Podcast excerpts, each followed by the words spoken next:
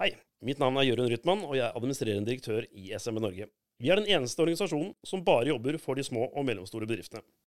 Som medlem i SMB Norge får din bedrift mange fordeler. Et politisk talerør inn til Stortinget og regjeringen, svært kunstige forsikringsordninger, gratis advokathjelp over telefon og e-post. Jeg syns du skal melde inn din bedrift i SMB Norge i dag. Gå inn på dinbedrift.no og meld deg inn. Sammen styrker vi din bedrift.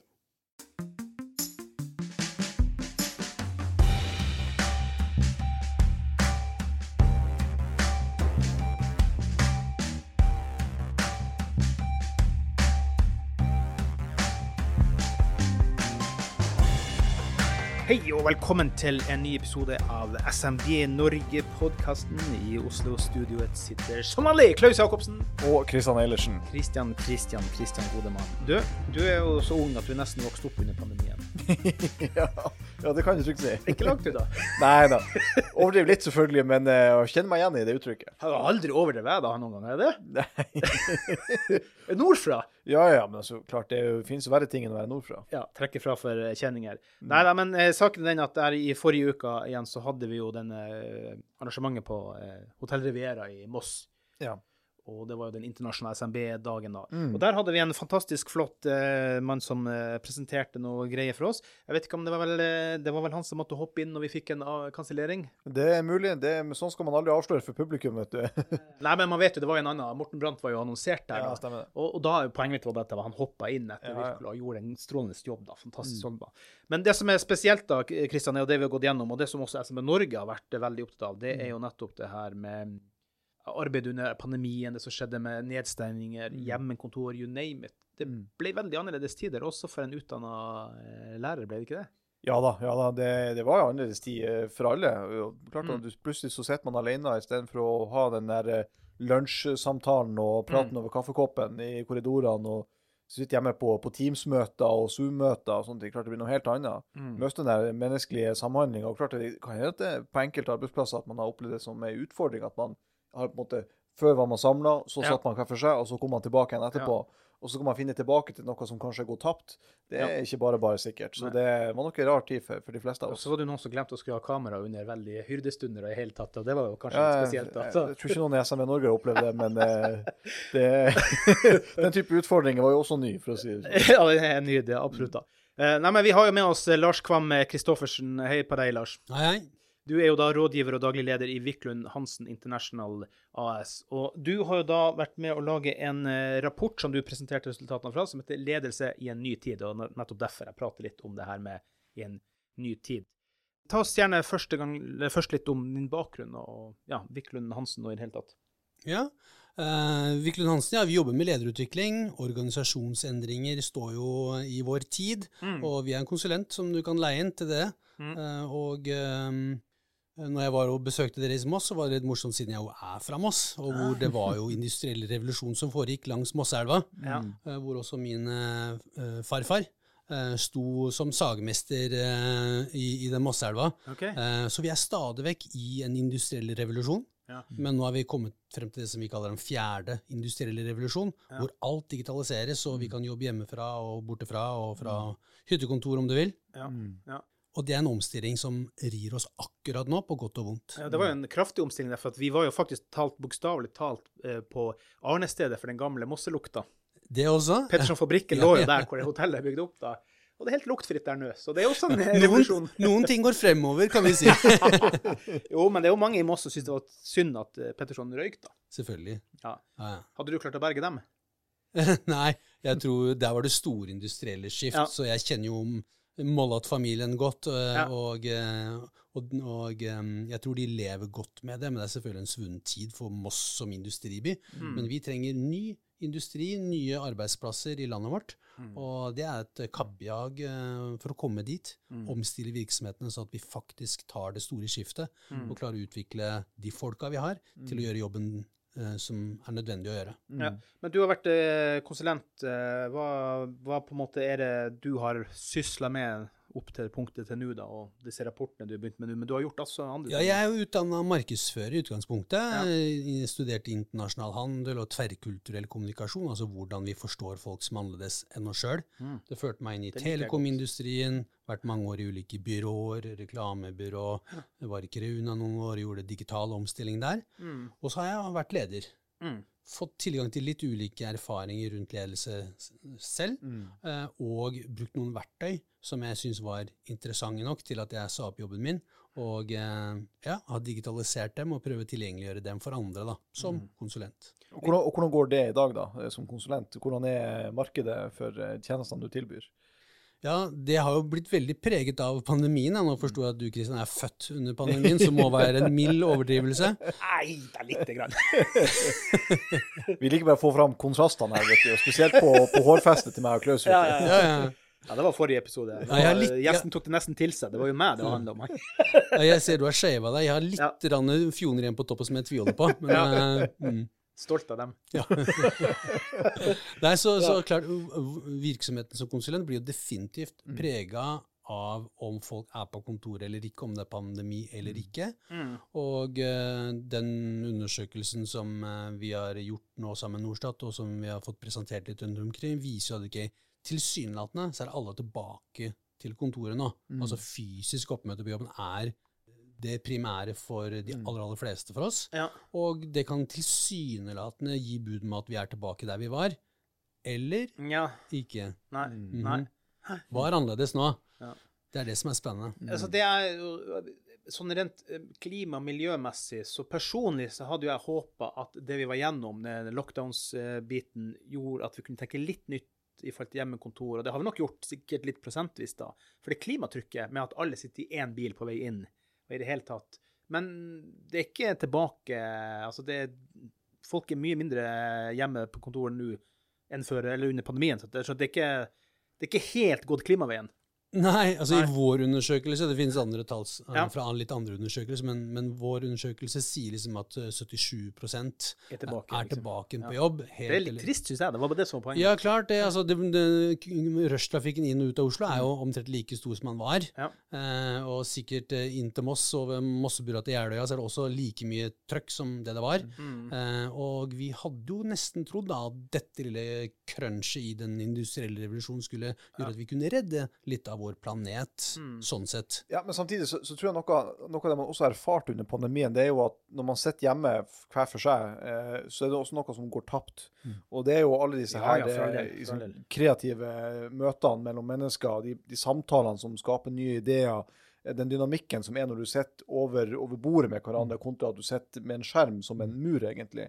Eh, det, det går nok tapt når du bare skal være digital og sitte hver for seg. Eh, samtidig som at det er kanskje andre ting som pandemien har gitt oss, f.eks. det her med, å være litt mer kritisk til hva slags møter som er viktig å gjennomføre. ikke sant?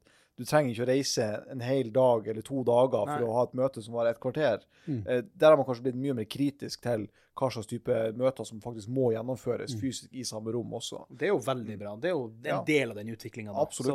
Men det er også prosentvis noen som har eh, mer fast bruk av hjemmekontor så det er liten bedring, er det ikke? Det er klart det er noen organisasjoner som i større grad tenker at vi trenger ikke gjøre dette fysisk. Altså Mm. Se på antall reisende mellom Oslo, Bergen, Oslo og Trondheim osv. Mm. Det er jo færre enn det var. Ja. Heldigvis. Dagsturer frem og tilbake. Mm. Eh, men eh, det er veldig spennende det med liksom, hva slags jobbing kan jeg gjøre remote, Mm. og hva slags type jobbing bør jeg søke inn i et fellesskap. Mm. Det har jo krystallisert seg veldig tydelig at vi er, vi er, vi er sosiale mennesker. Altså Ja. menneskerasen er sosial, så vi ønsker en tilhørighet. Produksjon, altså én til og én til av samme vare, det kan du godt gjøre isolert hjemmefra. Men kreativitet, Ja. det å skape endringen på tjenester, eller mm, hvordan vi tilvirker våre tjenester, eller komme på nye konsepter, Ja. hvor er det vi gjør det, og hvordan kommer vi på tanken? Ja. Det gjør vi to eller flere sammen. Det kan du ikke gjøre fra kjøkkenbordet hjemme. Nei, Nei, og så er det vel noe for at hensyn, skal vi, Det er jo her ledelsesrapporter, men likevel snakke litt om poenget av de ansatte òg, da. Det er vel ikke alle som har godt av å bare være på hjemmekontor. Jeg var jo 13 år i FedEx og hadde markedsansvaret alene i Norge. Mm. Og da skal jeg være tilgjengelig for Asia, for Europa, for Norge, for USA. Jeg jobba jo hele tida. Mm. Det, det ikke, og det var liksom bare for å kunne tilby tjenesten og bare på en til være til stede. Mm. Det, noen må kanskje vernes litt fra den der eh, være hjemme, for du jobber mye mer da. Definitivt. Og den, den teknologien som ligger til grunn da, for den Mm. industrielle revolusjonen, og som alle fikk prøvd veldig mye, Mm. eh, trening, fikk veldig mye trening på under pandemien, Mm. ja, det er en muliggjøringskunst som gjør at lederen i vår rapport i hvert fall sier at jeg blir stående i tidsklemma mer enn før. Mm. Fordi hvis jeg f.eks. Uh, får en Slack-melding fra deg på kvelden, så forventer du egentlig å få svar. Yeah, By the way, Slack har du brukt, men Slack er jo en app, bare for de som ikke er en app. Sånn, Ja.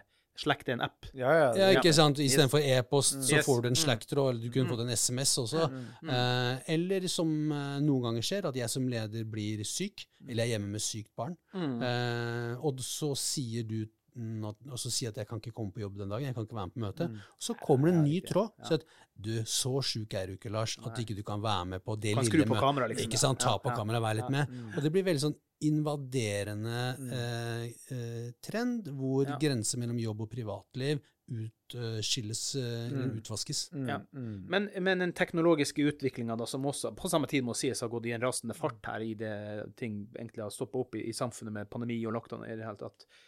Har, har norsk næringsliv klart å henge med på det? Det ene er jo den teknologiske å få til å egentlig skru av kameraet når du bør det, når du har det hyrdestund og alt det der som faktisk noen havner utfor. Det er jo selvfølgelig bare flåsete spøk, da. Men så er det også det med det menneskelige perspektivet der, da. Er norsk næringsliv på nett der, at det ikke blir for invaderende, at det ikke blir for mye å gjøre? For meg personlig passa det egentlig å være tilgjengelig for at det var bedre for meg, Mm. for da fikk, fikk jeg det unna. Men det er jo også noe som sliter ut. Ja, nå er, ikke jeg, er ikke jeg jurist, Eh, jeg har Nei. hatt en del kontakt med jurister, men jeg vet jo bl.a. at arbeidsmiljøloven ikke er utformet for dagens vilkår. Den er laget for industriarbeideren Ja. som klokker inn og ut av fabrikken osv. Så, videre. så bare der på jussen så ligger vi litt eh, skeivt an. Mm. Eh, det andre gjelder jo dette her med at man rett og slett tar de reelle samtalene internt Mm. i, vårt virk, i vår virksomhet. Hvordan vil vi at det skal være? Mm. Ikke? Hvis jeg er toppsjefen og dere er mine mellomledere, har vi snakket om dette her? Mm. Er det greit å slakke seint og tidlig? Mm. Er det greit å forvente at folk skal være med på et møte selv om de har sagt at 'jeg er sjuk'? Mm. Har vi snakket om det? Mm. Gjør vi det til tema, eller bare ligger det implisitt som en mulighet? Ja. Og hvis du vil det nok, så får du nok det til. Ja. Du har det vel i deg. Ja. Eh, Er du en av de som står opp, eller ikke? Sånn, ser du hvordan det blir skeivt med en gang? Ja, ja, ja.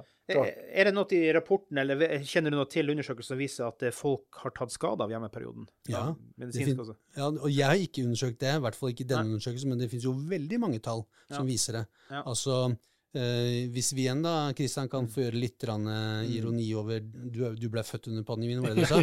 Vi ser det på livsfase. sa det. Ja, du sa det. Men om, om, om, om lille Kristian og, og det som er problemet til, til, til, til de unge, for eksempel, er at de bor på hybel. Mm. De bor på 30 kvadratmeter. Under pandemien så skulle de sove, Mm. spise og jobbe Mm. eh, på 30 kvadratmeter med avgrenset sosial mulighet for sosialisering, men også fysisk Mm. aktivitet. Mens jeg, som bor øverst i Holmenkollen, i min store villa, Mm. og jeg går ut i, i, i Vestfløyen, Mm. for der har jeg hjemmekontoret mitt, Mm. og så går jeg Østfløyen for å trene, skjønner du? Og så, ikke sant? Jeg har helt andre muligheter for uh, fri utfoldelse av livet mitt, Ja. også under pandemien og lockdown. Så vi ser jo hvordan yngre mennesker, Mm. og særlig barn i Mm. skole, led veldig. Spørsmålet er hvordan dette treffer deg på din arbeidsplass. Mm. Har du arbeidstakere som lider under dette her, og som nå er tilbake igjen på kontoret med spesielle behov? Og vår undersøkelse sier ja. Men men nå henvises det mye til en undersøkelse. Kanskje vi skal presentere for lytterne hva det her er for noe, egentlig? Ja, altså, eh, det er jo da rapporten 'Ledelse i en ny tid', som du har laga med Eller vel ikke du alene, da, men i lag med Norstat. Det er Viklund Hansen som har presentert den her. Ja, Ja. Norstat eh, gjorde feltarbeidet for oss. 214 ledere på tvers av eh, landsdeler, eh, store og små virksomheter osv. Mm. vi spør ledere om hvordan er det å lede nå? Altså Utgangspunktet er liksom rett på kjølvannet av pandemien, og så kommer Ukraina-krigen, det blir bare flere og flere endringer. Mm. Men hvordan er det å lede nå, er det vi har spurt lederne om. Mm. Ja, og jeg har notert meg noen eh, fakta underveis her. For så sier eh, rapporten deres at eh, 27 av ansatte ønsker mer og annen ledelse. Men Driller dere inn, hva betyr det egentlig? Hva, er- får dere frem også hva de egentlig ønsker, da? Ja, for vi har jo Et av spørsmålene spurt om opplever du som leder at lederhverdagen er annerledes. Og da er det jo 69% som sier ja, at annerledes øh, er den definitivt. Og så Ja. har vi to underspørsmål. Det ene er at ok, opplever du at medarbeiderne trenger annen form for ledelse, og det er det Ja. 27 som sier. Og så er det da liksom Ja, og så opplever jeg at samfunnet stiller nye krav til oss som ledere. Ikke Sånn, Ledelse var i gamle dager top down, og sjefen hadde makta. Men vi som samfunn har endret formening om hva ledelse bør være. Mm. Og hver enkelt av oss som ledere går og kjenner på disse nye kravene. Mm. Så liksom, man kommer i skvis fra begge hold. altså Medarbeiderne mine er slitne, de må revitaliseres, eh, står det å lese i rapporten. Og så er det samfunnet som stiller nye krav til meg som leder. Og da er det liksom 69% da, som sier at å, jeg har ikke tid til å trene. Jeg har ikke tid til å utvikle meg som leder. Nei. Og det er jo et kjempevarsku for oss som er opptatt av næringslivet. Omstillingen som er nødvendig for å konkurrere med svensker og dansker og kinesere. Mm. Har vi ledere som kan lede? Sliter ikke vi litt eh, der i, i, i sammenligning? Det kan godt at jeg gjør det litt enkelt oversatt, da, men, men altså, det er jo her med i Norge har alltid vært sånn at eh, sjefen vet best og skal være litt sånn da. Men i, for eksempel i, i Sandefjord, hvor jeg ikke kommer fra, men bor og har bodd lenge da, så har jeg en veldig god kompis med han er eh, fagforeningsleder på et medisinsk senter i Sandefjord. De har gått inn for den eh, ti-faktoren. Og den handler egentlig om at nesten demokrati, da. Altså at lederen skal ikke si hva du skal gjøre sånn og sånn, du skal få lov å påvirke liksom hvordan det er. Og der har det funka veldig fint, og alle er happy, alle er fornøyd. Men i en annen del av kommunen som også kjenner via kjennskap, som er det samme eierskapet, det samme folkene ditt og datt, funker ikke i det hele tatt. Fordi lederen har ikke klart å forstå eller at det inkluderer. Det er fortsatt Nei, jeg skal bestemme oss inn. Sånn skal dere gjøre det, sånn skal dere gjøre det. Inkludering av folk i beslutninger, er ikke det veien vi går? Er ikke det sånn utviklinga går fra happy, eh, happy campers, eller er det flåsete? og Jeg tenker jo at det er veien å gå. Det er på en måte litt å se til den nordiske ledermodellen. At Ja. det, det er ting som allerede vi i Norden har bestemt oss for at er veien å gå. Mm. Eh, og i vår undersøkelse så sier jo lederne vi spør, 77% av dem sier at jo, jeg mestrer min lederrolle. Ja. Det er sånn tilsynelatende i hvert fall et, et, et tall, et høyt tall. Ja. Mens vi vet fra andre undersøkelser eh, hvor man spør medarbeidere, Ja. f.eks. i Nettigate sin rapport tidligere i år, så spør vi medarbeidere hm, hva gir deg eh, trivsel eller ikke trivsel på jobb, og da er det ledernes Ja. manglende profesjonalitet og manglende tilbakemeldinger til meg, Mm. eh, og medbestemmelse. Det er faktisk sånne type ting de peker på som mest kritisk. Ja. Det er derfor jeg ikke trives. Så jeg tror fortsatt vi har en vei å gå, da. Du, du sa en ting der nettopp, det off-air, Ja, ja. uten, uten rekord. Det var jo nettopp det, da. Mm. Du stilte også et spørsmål, retorisk spørsmål. altså Hvor mange hva var det du sa, hvor mange har slutta Når var det siste gang du hørte en person som fikk sparken fordi han som jurist ikke kunne nok om juss, eller Ja. økonom ikke kunne nok om tall? Ja. Det skjer jo ikke. Nei. Det er Grunnen konflikter. Mm. Det er konflikter. Mm. Mellommenneskelige relasjoner, det at man ikke blir sett, ikke får vise, sine, vise frem sine beste sider, Mm. det er grunn til misnøye. Mm. Og særlig hvis nærmeste leder ikke gir deg den, den rettferdige oppmerksomheten, da. Mm. Ja. Men hva er det rapporten sier om eh, leders tilstedeværelse? Sier den noe om det? Nei, Vi har bare spurt lederne. Okay, ja. Så det er utgangspunkt for vår rapport, er lederne mener om seg selv. Mm. Ja. Men det er jo da 36% av de som sier at okay, jeg har ikke lenger balanse mellom Mm. jobb og privatliv. Nei. Og det er et fryktelig høyt tall, Mm. og, og viser at uh, det er langt fra en tilsynelatende mestringsfølelse på 77% til mestring i hverdagen, Mm. Ja. fordi din egen tid blir en salderingspost. Ja. Inkludert av disse med slacking og videomøter som Ja, ja, man bare er forventet å være med på. Kanskje jeg skal være litt ufin her, da. Det får de bare tåle, de som lytter på oss, da. Men når 77% syns de gjør en god jobb, og vi likevel vet at det er så mye eh, trøbbel i bakkant, Mm. er man ikke litt naiv i forhold til egen prestasjon, da? Jo, men vi, jeg, jeg tar dette, dette tallet 77 tar jeg som et uttrykk for at folk flest tenker at det er ikke helt perfekt det jeg gjør, men Nei. det er en grunn til at jeg fikk opprykk og leder avdelingen, og ikke du. Altså, jeg gjør så godt jeg kan, blant annet. Mm. Eh, men, men det som er veldig spennende, er at vi har jo spurt folk at ok, så du har en behovserkjennelse som Mm. leder, du vil bli bedre. Mm. Og så har vi spurt, hvis du da skulle meldt deg på et kurs i dag, hva var var du egentlig ville at det kurset skulle inneholde? Mm. Og da får vi veldig tydelige score tilbake igjen, Mm. hvor eh, det er da eh, spesielt dette med å utvikle egne styrker Mm. i lederrollen, det er det de fleste ønsker seg. Mm. Der jeg er god, vil jeg bli enda bedre. Mm. Og det samme med dette med å gi folk tilbakemeldinger. Mm. Altså de du leder. Jeg vil gi de konkrete og praktiske tilbakemeldinger, og kanskje også min egen evne til å ta imot Mm. ris og ros mot den kom, der den måtte komme. Hvordan gjør jeg egentlig det?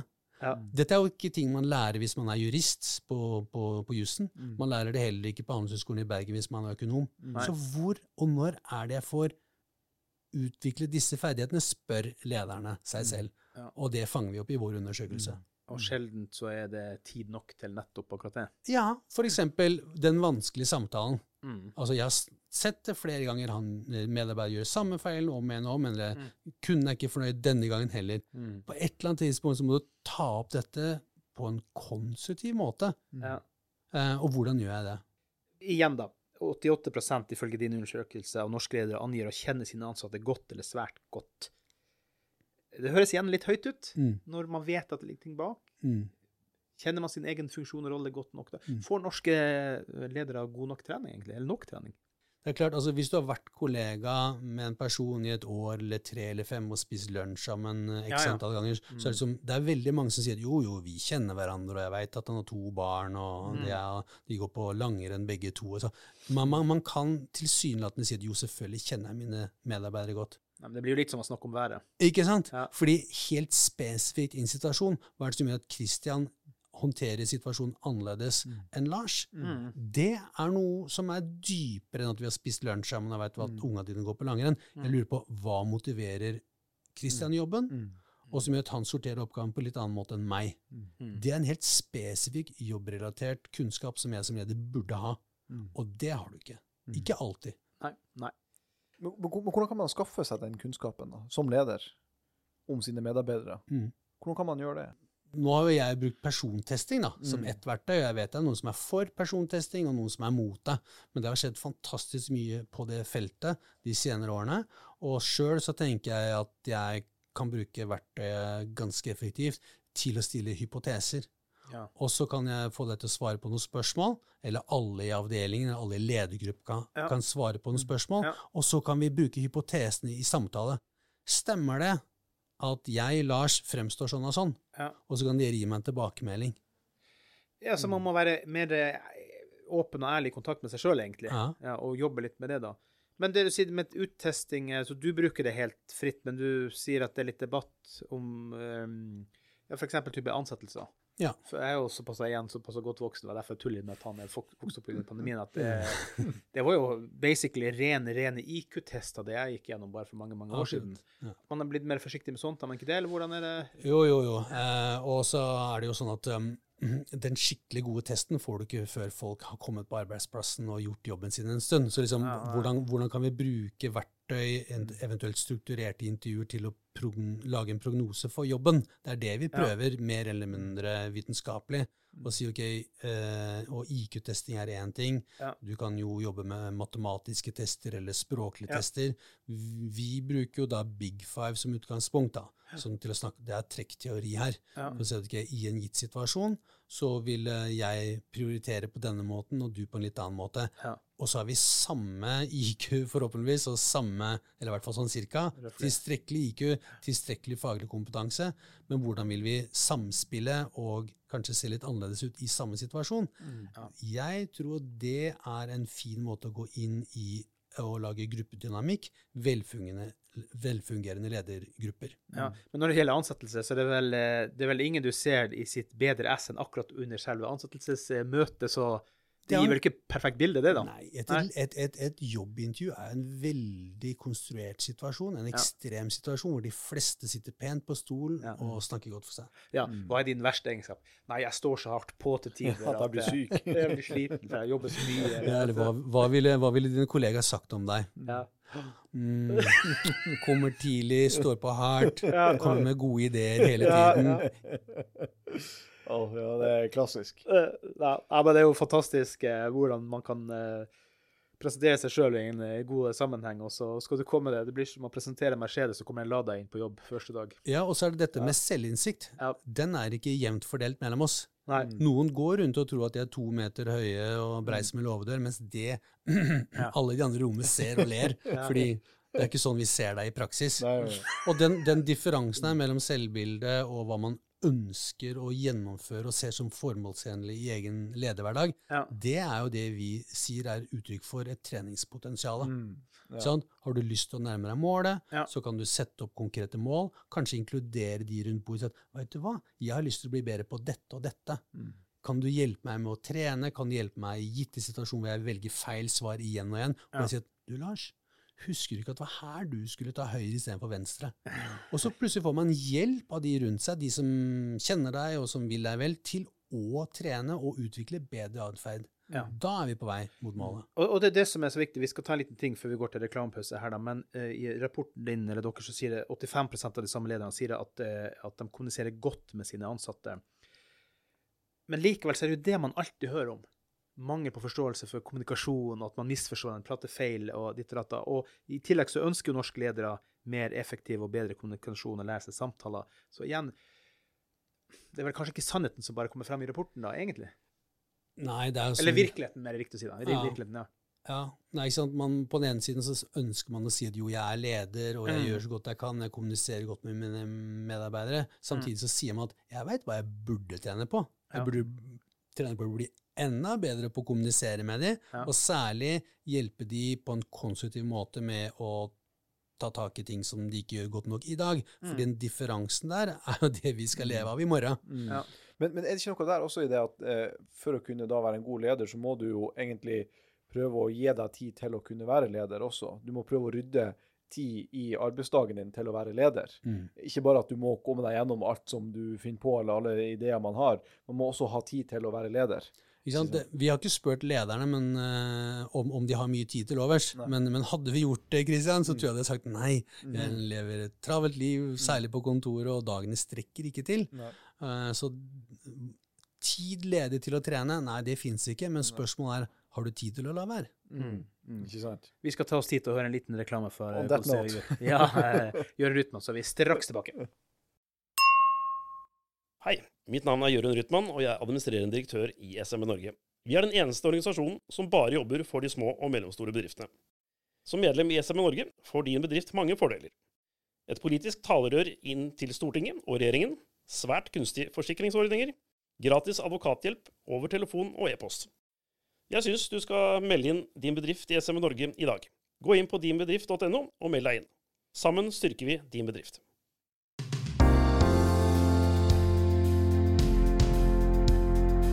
Kristian, vi håper virkelig våre gode lyttere gjør som uh, Jørund Rytman sier. Gå inn på dinbedrift.no og finn alle disse fantastisk vakre medlemsfordelene vi har her i SMB Norge. Og melde seg inn i SMB Norge, Ikke minst, vi har veldig snille kontingentsatser for eh, små og mellomstore bedrifter. For snill, egentlig.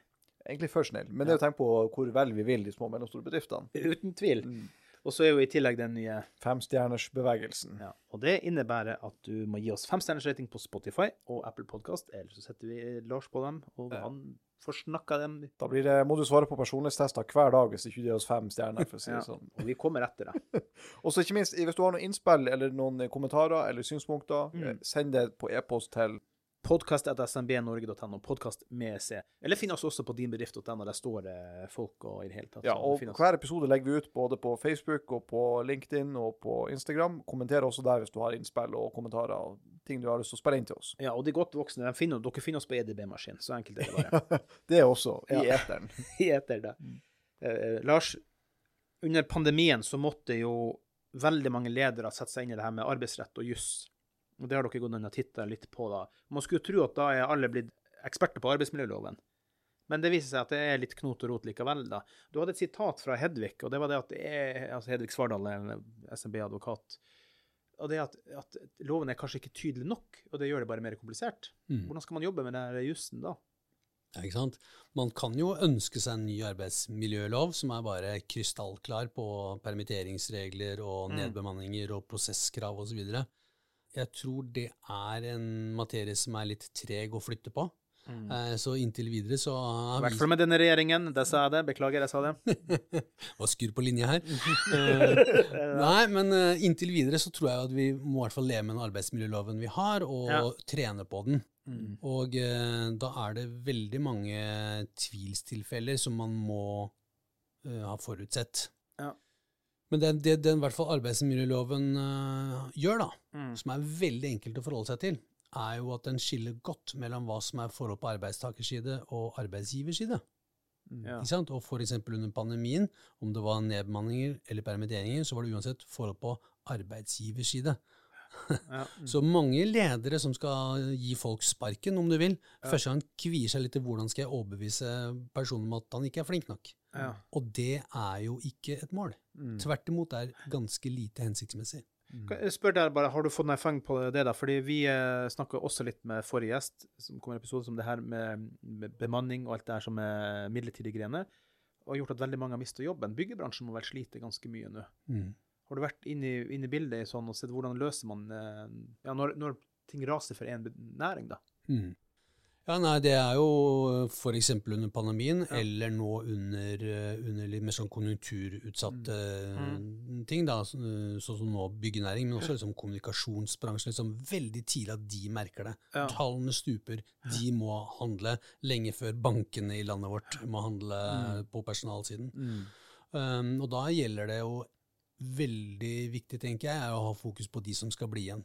De aller fleste som omstrukturerer sin virksomhet, Ja. gjør det for at båten man har, skal bli enda raskere i farvannet man er i, etter at man er permittert eller Ja, eller bare holde seg flytende, rett og slett. Yes. Sånn som i byggebransjen, Ja. som faktisk sliter eh, Og om, du, stort. og om du er håper 1000 mennesker og skal bli 900, eller om det er 100 mennesker som skal bli 90, så er det uansett viktig å ta fokus på de som skal bli igjen. Mm. Kan du se dem i øya? Vil de ha tro på deg som leder? Ja. Og så burde du designe en prosess som sannsynlig at de vil si ja. Ja. Og det som eh, jeg har diskutert med Hedvig mange ganger, da, det er jo at okay, noen ledere er så utrygge at de begynner å jukse. Oi, ja. De tar folk til side under lunsj og sier at du, oss to imellom, jeg tror ikke du har det i deg. Ja. Og så begynner man å skifte jurisdiksjon, og så begynner man å snakke folk ned, og denne personen er kanskje kollega med folk som man fortsatt vil være venner med. Yes. Mm. Og dermed så begynner ryktet å gå om at han der lederen, han der Lars, Ja. han er ikke noe grei. Han trøkte meg ned. Ja. Du, du gjør jo mye treninger, vi skal komme inn på det også etterpå, men juridisk her, her trener ikke du med bedriftene? Jo, jo. Juridisk òg? Ja, det kan du gjøre. Det er helt konkrete caser. Her er ditt selskap. Du skal nedbemanne så og så mange mennesker. Du gruer til å snakke med denne personen. Nå skal vi gjøre det et rollespill. Men hvordan lærer du deg det juridiske da, for å gjøre det riktig? sånn sett? Kanskje? Jeg har jo vært leder før, og eh, det Ja. juridiske er jo ikke vesentlig forskjellig fra år til år. Nei, Det ligger jo der ganske stabilt. Okay. Og sånne som Hedvig kan jo hjelpe oss å brushe opp kunnskapen. Ja, mm. Siste dommer og noe. Men, eh, men det å forstå det menneskelige aspektet, både som leder og som medarbeider Mm. Nå skal vi nedbemanne. Hvordan vil det oppleves? Ja. Det går det an å trene på og forberede seg på. Ja. Så, men så du gjør den Da type caser? Ja. Du, altså Jeg vet ikke om rapporten er bare noe jeg kom på å spørre om. Altså, hvilke ledere er det som opplever mest eh, mestring i jobben? Er det unge, eller er det eldre ledere? Har du fått frem noe på det? Eller er det liksom de mest erfarne, de som trives best, eller er det ikke noe logisk tanke? Nei, det er ikke nødvendigvis sånn. Det er typisk sånn at vi, vi, hvis vi ser blant de som er nye ledere, ofte at de kan uh, si at de, de, de mestrer ganske godt. Så ser vi at når de har fått litt erfaring og kjørt bilen ut av grøfta noen ganger, så sier de at ok, ops, eh, jeg var ikke helt uh, naturtalent allikevel. Nei. Så det kan slå begge veier, dette med erfaring, altså. Men når du sier at 77 av norske ledere opplever i stor grad mestring i jobben, Mm. Samtidig så eh, oppgir 58 av dem at de ikke helt strekker til som leder. Hva, hvordan, hvordan vurderer man seg sjøl da? Det, det, igjen, det blir litt som å slåss med seg sjøl, da. Ja, ja, det er det. Og, og særlig når vi nå var innom dette med permitteringer og nedbemanning, så sier det som 57% at ikke er i prosesser så blir jeg veldig utrygg. Mm. Og det er jo på rett etter at vi er topptrente. Altså alle i norsk næringsliv som har lederansvar, er Vi vil aldri være så trente som nå hva dette med nedbemanning og permitteringer angår. Det er vi kjempegode på nå, i hvert fall i historisk perspektiv. Allikevel sier 57 av lederne at åh, vet jeg gruer meg, for det er så ubehagelig hver gang, og jeg blir så usikker. Ja. Så liksom, hvordan kan man liksom trene nok da? Mm, Det ligger usikkerhet der uansett, sant? ja, og så ser jeg også her 46% svarer at de ikke lykkes. Og da blir det igjen rart å si at man at tallene sier ja, jeg gjør det veldig fint, da. Mm. Blir litt som å ha diskusjon med seg sjøl, nesten. Ja, og at man ikke lykkes i så stor grad som man vil, at man ønsker å bli bedre. Så jeg tror det finnes veldig mange ledere som har lyst til å utvikle seg, som har lyst til å lykkes som ledere, og som ser at og jeg må trene mer. Det blir sånn som uh, uh, Jeg heier på Moss fotballklubb, eh, jeg vet uh, andre heier på andre lag, men det er som å gå fra kamp til kamp uten å trene. Det Ja. blir liksom å gå fra mandag til tirsdag til onsdag uten å sette av tid til at ledergruppa mi skal trene. Ja. Du kan ikke bare spille kamper, du må også trene til kamp. Mm. Så mm, vi har ikke all verdens tid å ta av, nei, men alternativet er veldig, veldig mye tristere. Mm. Å ikke være trent til oppgaven. Mm. Det er også en undersøkelse her i undersøkelsen hvor eh, i, dere spør i hvilken grad opplever du å ha balanse mellom jobb og privat. Skal vi si en undersøkelse i undersøkelsen? Ja, det var jo bare nordnorsk uttrykk. Ja, han sa feil, han gjorde det. Jeg vil bare gni det inn, Klaus. Han, har- han har ikke hørt noen ting på hva du har sagt her, Lars. Vi skal snakke ordentlig respektfullt Vi skal bygge hverandre opp. Kristian. nå riv meg ned her? Det blir jo helt uh, sønder... Er ikke det. Ja, I, hvil. I hvilken grad opplever du å ha balanse mellom jobb og privat? Mm. 5 i svært liten grad. 23% i liten grad. Så lurer jeg litt på det her. 34% verken eller. Er de apatiske? Da, da? Da har du kanskje- har du gitt opp, da? Og så 37% i stor grad og 13% i svært stor grad. Det er veldig stort spenn her. Ja, altså for noen så er det selvfølgelig sånn at eh, jobben min er livet mitt. Jeg er gründer, jeg vil Ja. gå fra alt. For dette er så liksom work-life balance er kanskje ikke noe de er opptatt av i det hele tatt. Ja. Men, eh, men det er klart, det er jo eh, for mange da, som svarer at de ikke har den balansen som de ønsker. Ja. Og noe av det kan være at de mangler kunnskap og trening i jobbsituasjonen sin. Ja. En annen ting kan være at de da rett og slett ikke klarer å håndtere sosiale medier eller Slack eller det press om alltid være tilstedeværende Ja. på jobb selv om man er syk eller hjemme med syke barn. Så 28% er liksom det, det tallet vi bruker. Slår sammen de to mest kritiske kategoriene, kategoriene, så har liksom 28% sier at work-life balance, det har jeg ikke. Nei. Og det er jo trist. Ja. Men, men der, altså, med tanke på hvis du som leder er, er borte, du er hjemme med sykt barn, som du nevner som eksempel, um, så tror jeg kanskje hvis man, hvis man som leder da har delegert beslutningsmyndighet i større grad, har tillit til at beslutninger kan tas uten at jeg er med i loopen hele tida, så, så kanskje at man får, man får mindre det her eh, måte, presset når du er hjemme, hvis du er borte. At du må likevel være på jobb selv om du er borte. Hvis du har måte, den tillitsbaserte tilnærmingen overfor medarbeiderne dine. Ja. Er det noe sant i det? Ja, det er kjempesant, tror jeg. Og det er liksom det i det hele tatt at liksom medarbeider eller mellomledere eller hvor enn du er i hierarki, da, for å si det sånn, at du har et eierskap til våre forretningsmål. Mm. At du ser hvordan du kan bidra i det store bildet. Og det betyr jo at eh, på et eller annet tidspunkt så blir ingen lenger uunnværlige spillere. Ei heller du som sjef er uunnværlig. Du kan faktisk gå fra kontoret eh, litt tidligere en dag og ha tillit til at folk vet hvor vi skal. Folk står på, og de ser hvordan de kan bidra. Mm. Men, men jeg tror også det kanskje ligger noe i, i det som, som leder, å, på en måte, å, å trene opp eh, både seg sjøl til å ha tillit til at dine medarbeidere kan ta beslutninger uten at du må ha tatt beslutninger for dem, men også å trene opp medarbeiderne sine til å ta beslutninger mm. uten at du er involvert også. Mm. Ja, bare bare og dvele, liksom. Ja, bare sånn, si rett ut jeg har tillit til at du vurderer denne greia sjøl. Du tar beslutninger, men gjerne informer meg etterkant hva du lander på, så at jeg vet hva som skjer. ikke sant? Mm. Men jeg trenger ikke være involvert i dette. Jeg trenger ikke være med på det møtet. Det her kan du håndtere fint. ikke sant? Ja, ja, det er, jo, det, er jo, det er jo skrevet bøker om eh, det du tar opp der nå. Hvordan, hvordan um, involverer jeg medarbeiderne i hvor selskapet skal? Hvordan involverer jeg folk sånn at de føler seg at det er dems beslutninger som ligger rundt til for, for salgsmålene våre, eller at vi skal legge ned et kontor og opprette et annet? Hvordan, hvordan kan folk selv føle at jo, det var fordi vi ville det. Vi, vi, vi så hva som var problemet, og hva som var den bedre veien til målet. Og det er, som, det er delegert makt og myndighet som gjør at folk på et eller annet tidspunkt også føler seg motivert i det daglige. Her blir jo veldig mye mangel på work-life balance som gjør at det blir disse situasjonene da. Mm. I og med at du trener og gjør masse tydeligvis ting, alt fra juss til you name it. Eh, Vi kan spørre om flere ting etter hvert. Men hvordan jobber du med at folk skal få en bedre balanse? Hva gjør du med dem? Spesielt kanskje han eller hun som har skuldrene opp og forbi ørene. Mm, mm. Hvordan får du dem i balanse da? Ja, jeg vet ikke om Er du psykolog òg? Nei, jeg, jeg, altså arbeids, arbeidspsykolog og organisasjonspsykolog er ikke en, en skjerma tittel. Den, den, den tar jeg faktisk innimellom. Ja. Eh, Men jeg tror ikke det finnes ett godt svar på det du spør Nei. om. Eh, noe av dette her eh, handler om kultur i et selskap. Ja. Noe kan handle om meg som person eller meg som leder. Ja. Mm. Vi vet jo hvordan noen er mer knyttet til sitt mandat og den formelle delen av det, Mm. mens andre er mer relasjonsstyrt og sier ok, men da kan jeg gjøre det, Klaus, siden du spør meg Ja. så pent. Og så går man liksom den ekstra mila. Så det gjør at vi kommer i klemma på tid, for eksempel, av litt ulike grunner. Noen er flinke til å disponere tiden sin, uka eller dagen, Ja. mens andre tar mer én ting om gangen, og så når fredagen kommer, så vet de ikke helt hva de skulle Tårnet er like høyt som det var mandagen. Jeg har ikke kryssa av én ting på lista, jeg, gitt.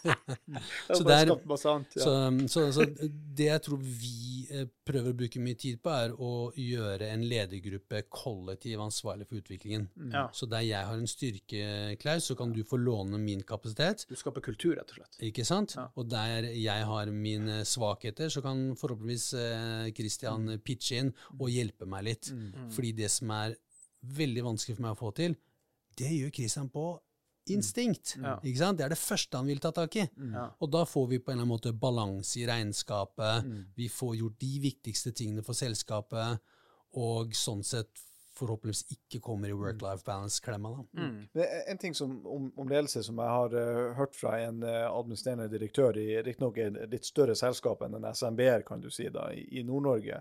Det finnes ikke noe stor i Nord-Norge. Jo da, det finnes noen der. Eh, men da kan man, man kan komme til skade med å identifisere hva slags selskap det er. hvis man... Ja, vi lar det ligge. men, men i alle fall, den, den lederen fortalte meg noe som var interessant. og Det gikk på, måte, hvordan han utøvde sitt eh, kjønn også, hvordan han utøver sitt lederskap. da. Ja. Og det er jo nettopp da han har en ledergruppe.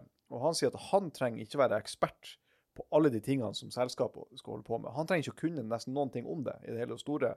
Det viktigste han gjør som leder, er å sette sammen gode folk rundt seg som kan mer enn han om disse tingene der. Mm. Og så er hans jobb det å få dem til å prestere best mulig Mm. i sin jobb. Mm. Apropos der også med tillit og delegere beslutningsmyndighet osv.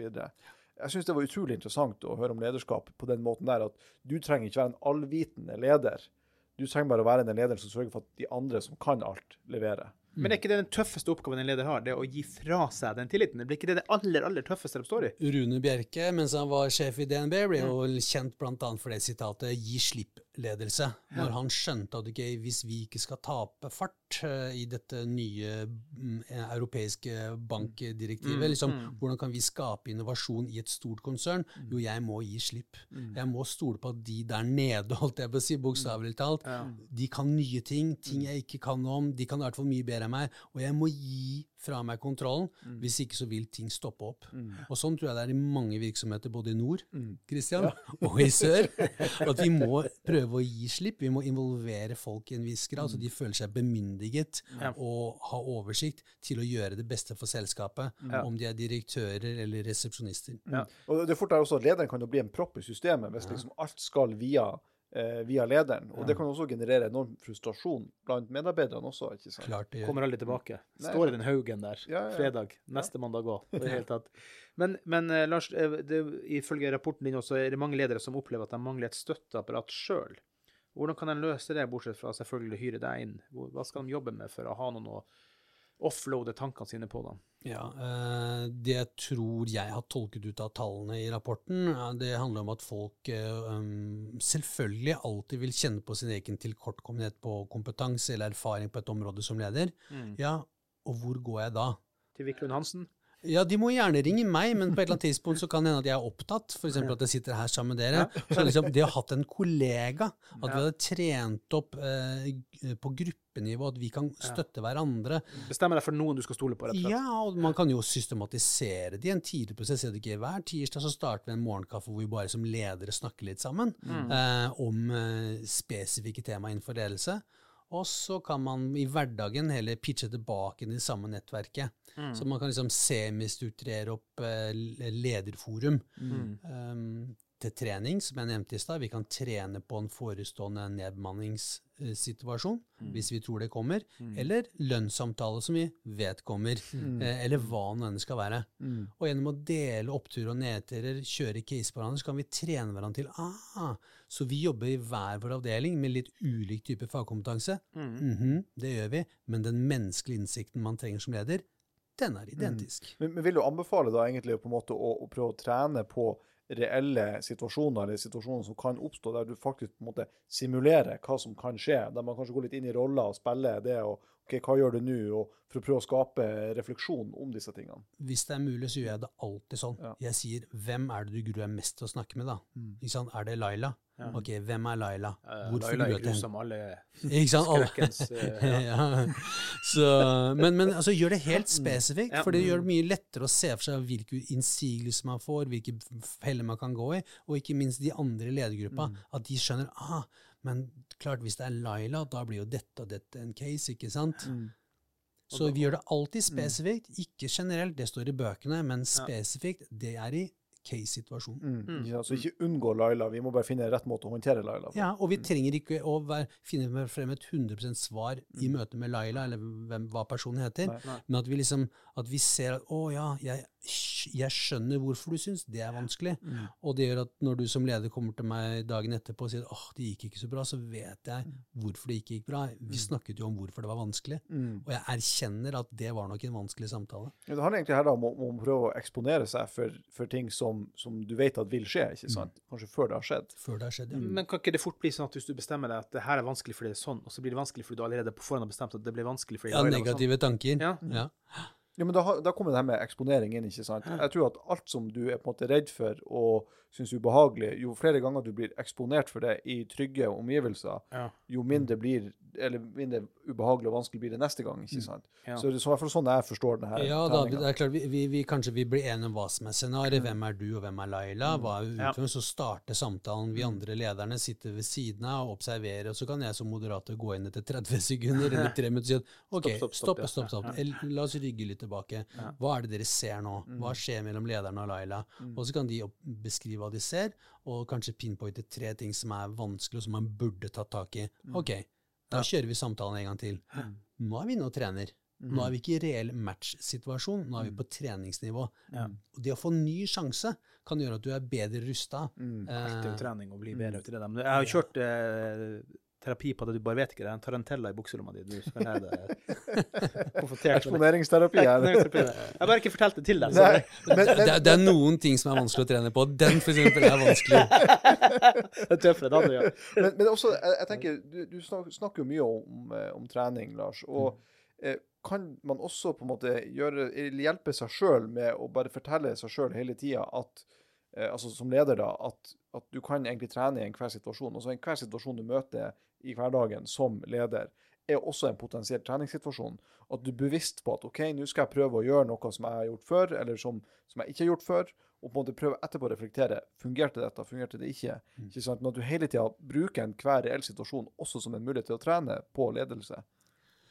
Jeg tenker jo at eh, vi kan ikke alle bli best i alt. Altså Uansett mengde så kan jeg ikke bli like god som Messi og skåre mål, f.eks. Eller Haaland. Nei.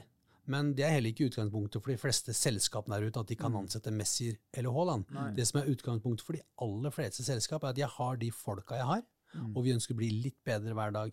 Og trening er en del av det. Og da gjelder det å ta tak i treningssituasjoner som er reelle, og som, som er viktige for vår suksess, og sette av tiden til det. Da tror jeg mange ledere vil, flere enn de 77 si ja, jeg opplever mestring. Og de har en god begrunnelse, fordi de føler seg godt forberedt til ganske mange aktuelle problemstillinger. Men det kan jo også være ikke at man nødvendigvis eh, på en måte har sagt OK, nå skal vi trene, men at man måte gjøre det litt sånn i retrospekt og si at OK, hva skjedde her? Hva kan vi lære av det til neste gang? ikke sant? At ikke alt er sånn fremoverplanlegging, skal jeg si, eller fremovertrening. Ja. Og, og, og det er vel ja takk, begge deler. Ja. Fordi hvis man først har trent, Ja. og har et forum å komme tilbake og si at ja, ok, Kristian, så hvordan gikk de samtalene? Så mye lettere for deg å si at jo, den og den gikk bra, Ja. særlig med de og de tingene som vi øvde på. Men veit du hva, den tredje gikk rett vest. Det blei mageplask, tror jeg. Jeg er redd for det. Eh, det her, her må noen hjelpe meg i gang igjen. Ja. Eh, Jeg får si eh, vi, vi lever jo nå i en, en fantastisk høyteknologisk verden. Og når det har tid også blir en utfordring i hverdagen, spesielt for ledere, går den teknologiske utviklinga nå for raskt for norske ledere? Blir du hemskoen til slutt i den teknologiske, avanserte verden vi lever i til slutt? Skal vi stoppe chat-GPT, er det du spør om? Ja, altså, det tenker amerikanerne, men jeg personlig tenker det bør de jo ikke, fordi kineserne og russerne gjør jo ikke det. Men nei, bare generelt, går, det- ting så fort nå at vi får enda mer å bli bekymra for som ledere, da, for at vi, å, nå må vi også henge med på teknologien. Ja. Og det må man jo, på Ja, sett og vis. Nei, men eh, et, et, et talende bilde, forhåpentligvis, der eh, er jo tanken om at vi er i en revolusjon. Mm. Sånn, vi er i den fjerde industrielle revolusjon. Mm. Ting er ikke klart for oss nå. Vi Nei. står midt oppi et kaos.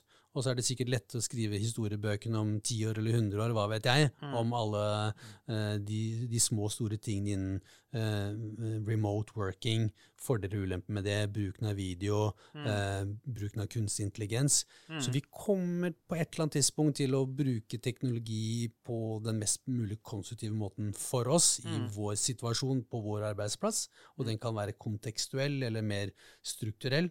Um, men eh, nei, det er mye å ta tak i. Jeg tror det viktigste er at vi prøver å, som kollegaer, ta en pust i bakken og bli enige om ok, hva er vanskelig nå, hva er, hva er bra nå, hva er ikke bra, Mm. og at vi kan gi hverandre litt muligheten til å justere oss underveis. Fordi det vet vi at det må vi. For eksempel nå da alle, alle lederne har eh, kalt sine medarbeidere tilbake til kontoret. Ja. Og det er med en viss grad av frustrasjon fra en del av medarbeiderne. Ja. Og Der sier også rapporten din at pandemien har satt eh, både ansatte og ledere under større press, men lederne rapporterer at det nå er vanskelig å være ledere enn før pandemien. Mm. Hvorfor det? Hva er det som gjør at det blir vanskelig for dem? Uh, de har vel sagt uh, to ting om det, tror jeg. Mm. Det ene er at de opplever at uh, samfunnet eh, som, som sådan stiller nye krav til ledere. Mm. Eh, og ehm, dette med transparens, eh, det å ta, mm, bli hørt osv. Uh, og den andre tingen er at de sier at ja, men de medarbeiderne jeg hadde før pandemien, de kommer ikke tilbake til kontoret. De kommer tilbake litt skadeskutt, en del av de, med økt krav om fleksibilitet og tilrettelegging enn noen andre av de. Og, og noen av de rett og slett blitt syke og må revitaliseres, som de sier i undersøkelsen. Så fremtiden, nei, fortiden kommer ikke tilbake, nei. Nei. Var alt bedre før, som man jo spør som eh, gamle på balkongen? Var alt bedre før?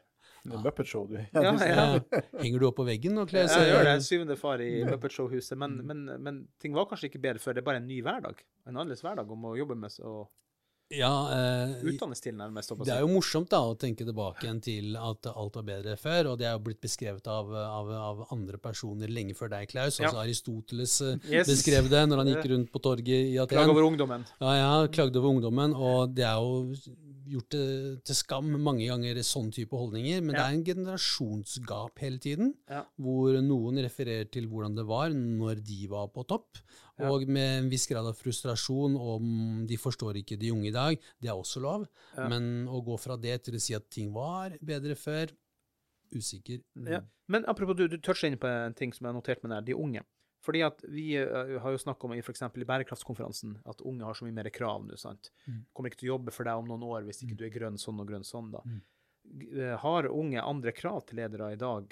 Altså, er, det, er det blitt tøffere fordi unge sitter med mer makt nå? Mm, Ja, jeg tenker jo det. Altså, det er veldig mange unge mennesker som har veldig god utdanning. Ja. De, de, de har gjort mye for å komme frem til arbeidslivet, og de kommer inn i arbeidslivet med stor kunnskap. Større enn meg. Mm. Eh, og det ville de jobbe hardt for det. Eh, og så har de andre krav ved siden av, som du sier. Altså, de tror at de kan redde planeten. Mm. De tror at dette selskapet er en del av denne, dette gode svaret. Hvis ikke så vil jeg ikke jobbe for det. Mm. Nei. Så det å gjøre ditt selskap eh, liksom innenfor rekkevidde av noe som er større enn selskapet, utvikle samfunnet vårt Ja. eller redde planeten, eh, det er et krav. Ja. Så du skal ikke bare levere et resultat til eierne dine, du skal også eh, eh, gi medarbeiderne en grunn til å stå opp om morgenen og komme på jobb. Ja. Til deg, og ikke til noen andre. Mm, ikke sant. Men jeg håper å si, hvordan er det man kan finne den rapporten her, hvis man ønsker å lese den og sette seg litt inn i den? Hvor, hvor får man tak i den? Jeg tror du får det f.eks. på eh, SMB Norge sine sider. Eh, Bedrift.no. Ja. Eh, eller så kan du gå rett og slett på, på våre sider, på Ja. viklundhansen.no. Vi har lagt den lett tilgjengelig, og også på vår eh, LinkedIn-profil så finner du den eh, gjennom å scrolle et par-tre poster nedover. Så den er gratis tilgjengelig. Ja. Og, Og det der også, eh, jeg vil anta at hvis det er noen ledere der ute som har eh, ønske om bistand, trening, hjelp, eh, så er det der de kan komme i kontakt med med konsulenten kan du alltid få tak i. Du, Jeg er litt nysgjerrig der på det, fordi at eh, dere tilbyr jo lederkurs, og det her finner de jo selvfølgelig på deres eh, nettsider osv.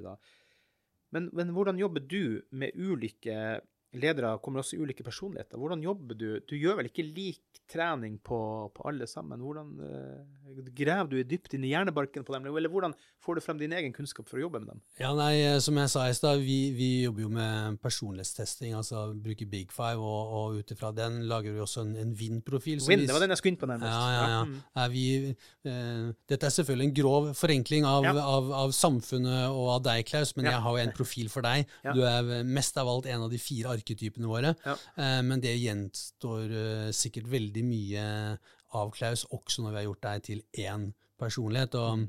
så, så vi lager hypoteser. Eh, vi prøver å komme til en inngrep med hva som er mest motiverende for deg, og hva som er minst motiverende for deg. Ja. Og enda viktigere, hvordan samhandler du med folk som er ulik deg selv? Der oppstår det ofte mye krøll og frustrasjoner Ja. og energitap. Og det er der vi prøver å få gjennom et mest mulig enkelt og intuitivt begrepsarap. Vi bruker jo båten som metafor for selskapet. Mm. Sjønasjon som vi er.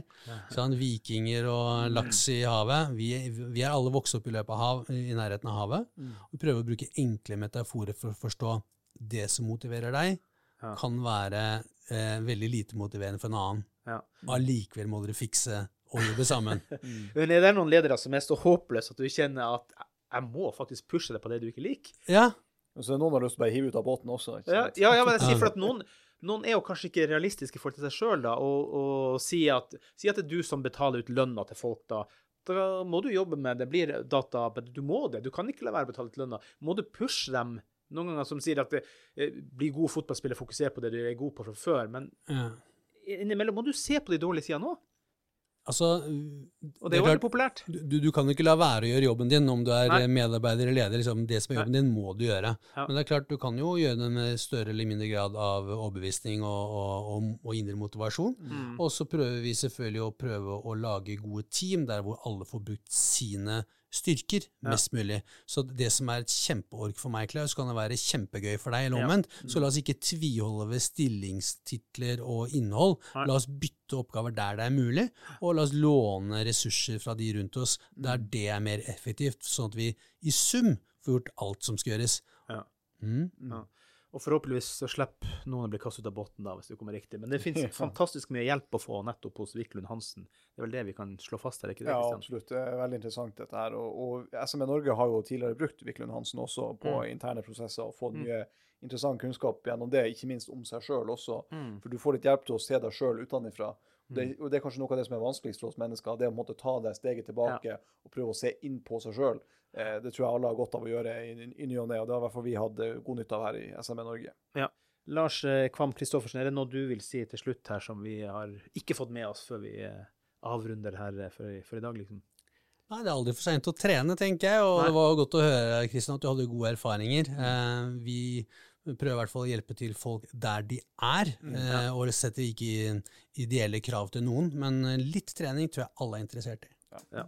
Da tror jeg vi bare runder av for i dag. Vi vil selvfølgelig oppfordre folk fortsatt til å gi oss en femstjerners rating på Spotify. Ja, og Noe mindre enn det aksepteres rett og slett ikke. Det er uakseptabelt. Jeg skulle ikke si at jeg sender hund på deg, men sender Lars Kvam Kristoffersen på deg skål for deg til å gi oss femstjerners rating. Tusen takk, Lars, at du hadde tid til oss. Takk skal du ha.